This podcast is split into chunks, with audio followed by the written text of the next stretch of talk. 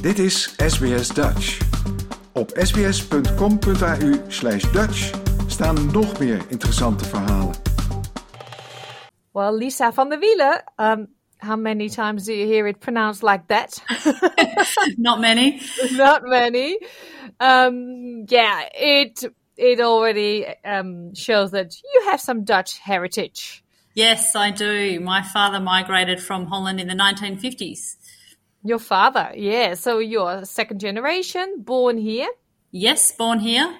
And how Dutch do you feel? Very Dutch, actually. I definitely relate to the Dutch heritage that I have. Um, I have fond memories of my opa norma uh, and growing up. A lot of the Dutch traditions and foods, uh, speculaas, oliebollen. I'm certainly not a fan of roll mops, though.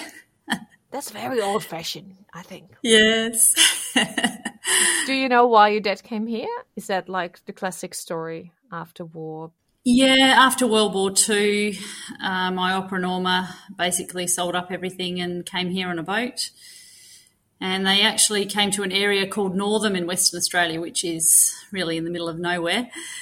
Um, and then, uh, yeah, set up home here in WA. Oh, yeah. So dad was born in the Netherlands. Yes. But he came here with his parents. Yes. Yeah. Yeah, it was not his decision. It was No, that's right.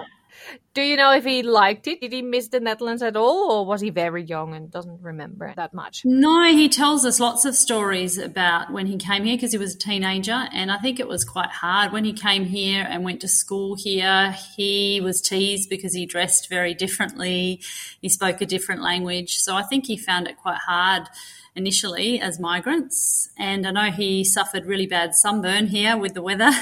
yeah, different sun here. Yeah, and you work as a teacher. yes, I'm a primary school teacher. Good on you. You do an important job. And you are an author. Yes, I'm a children's author. I've been a published author for five years now. How does a teacher start to write books? Was it something you've always been doing, writing stories? I've always loved writing, and as a teacher, you do a lot of reading children's books. And I guess I always wanted to start writing books of my own, but it wasn't until I went through some really difficult things in my own life that I actually started writing my own stories. So I guess through going through difficult times, I went back to doing things that I loved doing, and writing was one of those things. So I guess I kind of fell into becoming a children's author through going through some some difficult times. Mm, was it therapeutic for you? Yes, absolutely. I think, like anything, when you, I had open heart surgery and a pacemaker. Um, my marriage ended when I was pregnant with my second child, so there was lots of things I was going through, and I found I had to go back to doing things that I loved doing, and writing was one of those things. So creativity, it's really important for your mental health to go back to doing things that you love doing. It's so important. And did you already have in the back of your mind, like, I want to publish, or was it just writing, just doing it because you liked it so much? Uh, I did want to publish my own books, but I knew it was going to be a hard task to get there. And I sent my work away to publishers. I got lots of rejections first. And I did publish my first book with a publisher. And then I chose to self publish all my subsequent books because I found that I didn't get a lot of control over the process, so I wasn't able to choose who my illustrator was or what the finished book looked like. So I've actually become a self published author. Wow, that is very brave. You know, you are in a situation, your health not going too well, you know, separated, and then you choose to follow your dreams. Yeah, I think it's really important because when you're passionate about something, you it doesn't feel like work. It's yeah, it's really important to enjoy what you're doing, I think. Mm-hmm. So, can you tell me something about your stories, your books? Yes, well, all my books have dog characters in them. So I love writing about dogs because my Oma and Opa always had dogs. We always had dogs growing up. And I just think they're a great animal to write about. Children relate to them well. And I think they have lots of characteristics that we as humans can aspire to. Mm. And is it one dog who goes on an adventure or? Um, obviously, different different stories. Uh, I've got a Luna Lucy series, which is actually astronomy. So it's based on the first book is about the moon and the phases of the moon, and the second book is about the planets. And I'm actually currently writing the third book, which is about the stars. But it's about a little girl, Lucy, who has a dog called Neptune, a little dachshund. So all of my stories tend to have a dog character in them. Hmm. And who's your inspiration for Neptune? You, you've got a dog yourself? Yes, so mum and dad always had dachshunds uh, before I was born. So I've always been fascinated with dachshunds. I just think they're so cute. Uh, so yeah, I created that character for that story. And um, I have a series called Aquadog, which is actually about a border collie. So I've always been fascinated by border collies also because they are very clever dogs. Um, so that's actually about a border collie that lives on a farm, and the first book is about the floods, and then the second book is about bushfires. So very Australian. Yes, yes, yeah. And you're based in Perth, and I think the people around you are probably very proud because one of your books, Little Dune, won an award. Yes, it did. Yeah, Little Dune uh, won the 2022 Spark Award from SCBWI, which is the Society of Children's Books Writers and Illustrators. Uh, so it's $1,000 uh, was first prize along with uh, some promotion and also some stickers for my books. Mm. This is a US based prize, isn't it? Uh, yes, it is. So it's an international award though, but the, it is actually based in the US. Yeah. And do you now get more attention from like Australian publishers?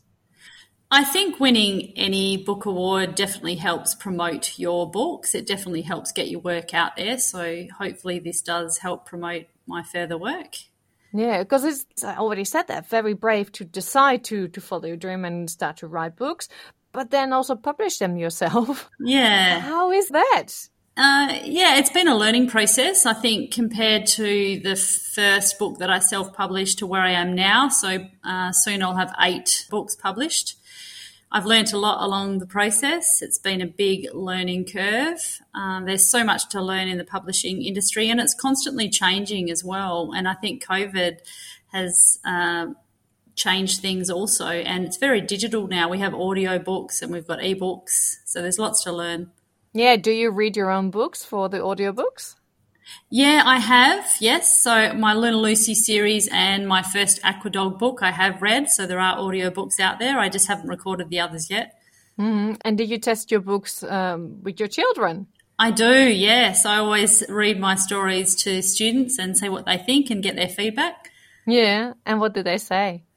Uh, always positive. They're always excited to have a teacher that's actually an author. So it's nice to have their support.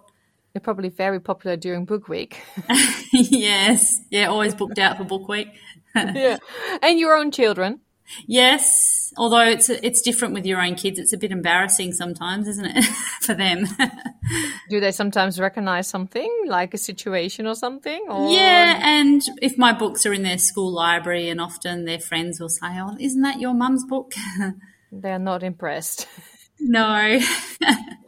well, writing a book especially for children, I think that's so cool. Um, do you have any tips for people who think like, oh, I would like to do that too? Where to start? Yeah, it's it's a hard one to know where to start, but I guess the first step is to write the story, and then there's lots of resources out there now with the internet to find out where to send it to and which publishers are accepting unsolicited manuscripts.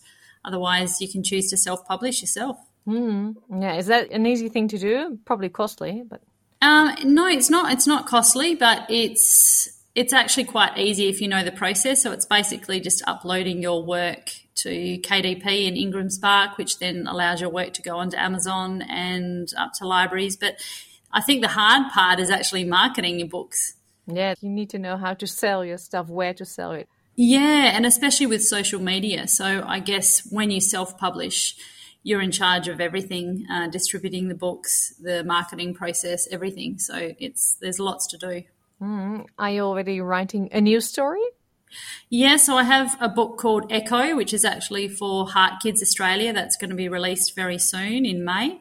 And I'm really excited about that because that's something that I am very passionate about. All the proceeds are going directly to the charity. Mm. And that's something that I've been through personally. I was born with a congenital heart defect, and both my daughters have been born with the same. So I'm very passionate about supporting this charity and getting this book out to the world. I'm also writing a Luna Lucy book number three, which is Luna Lucy and the Stars. And I also am hoping to get my novel, which is very much based on my life, or the main character in the book is, which I hope to get out to the world later on this year. Oh, for the adults. Yeah, it's kind of a young adult fiction, I think. Oh, exciting, exciting. You're so busy. How can you even teach children? Yeah, it's hard to juggle family, home life, and, and find time for writing, but we manage. Thank you so much. You're such an inspiration, like following your dreams and just go with the flow. Thank you. Ah, oh, thank you. Thanks for having me. Wil je nog meer soortgelijke verhalen? Luister via Apple Podcasts, Google Podcasts, Spotify of waar je je podcasts dan ook vandaan haalt.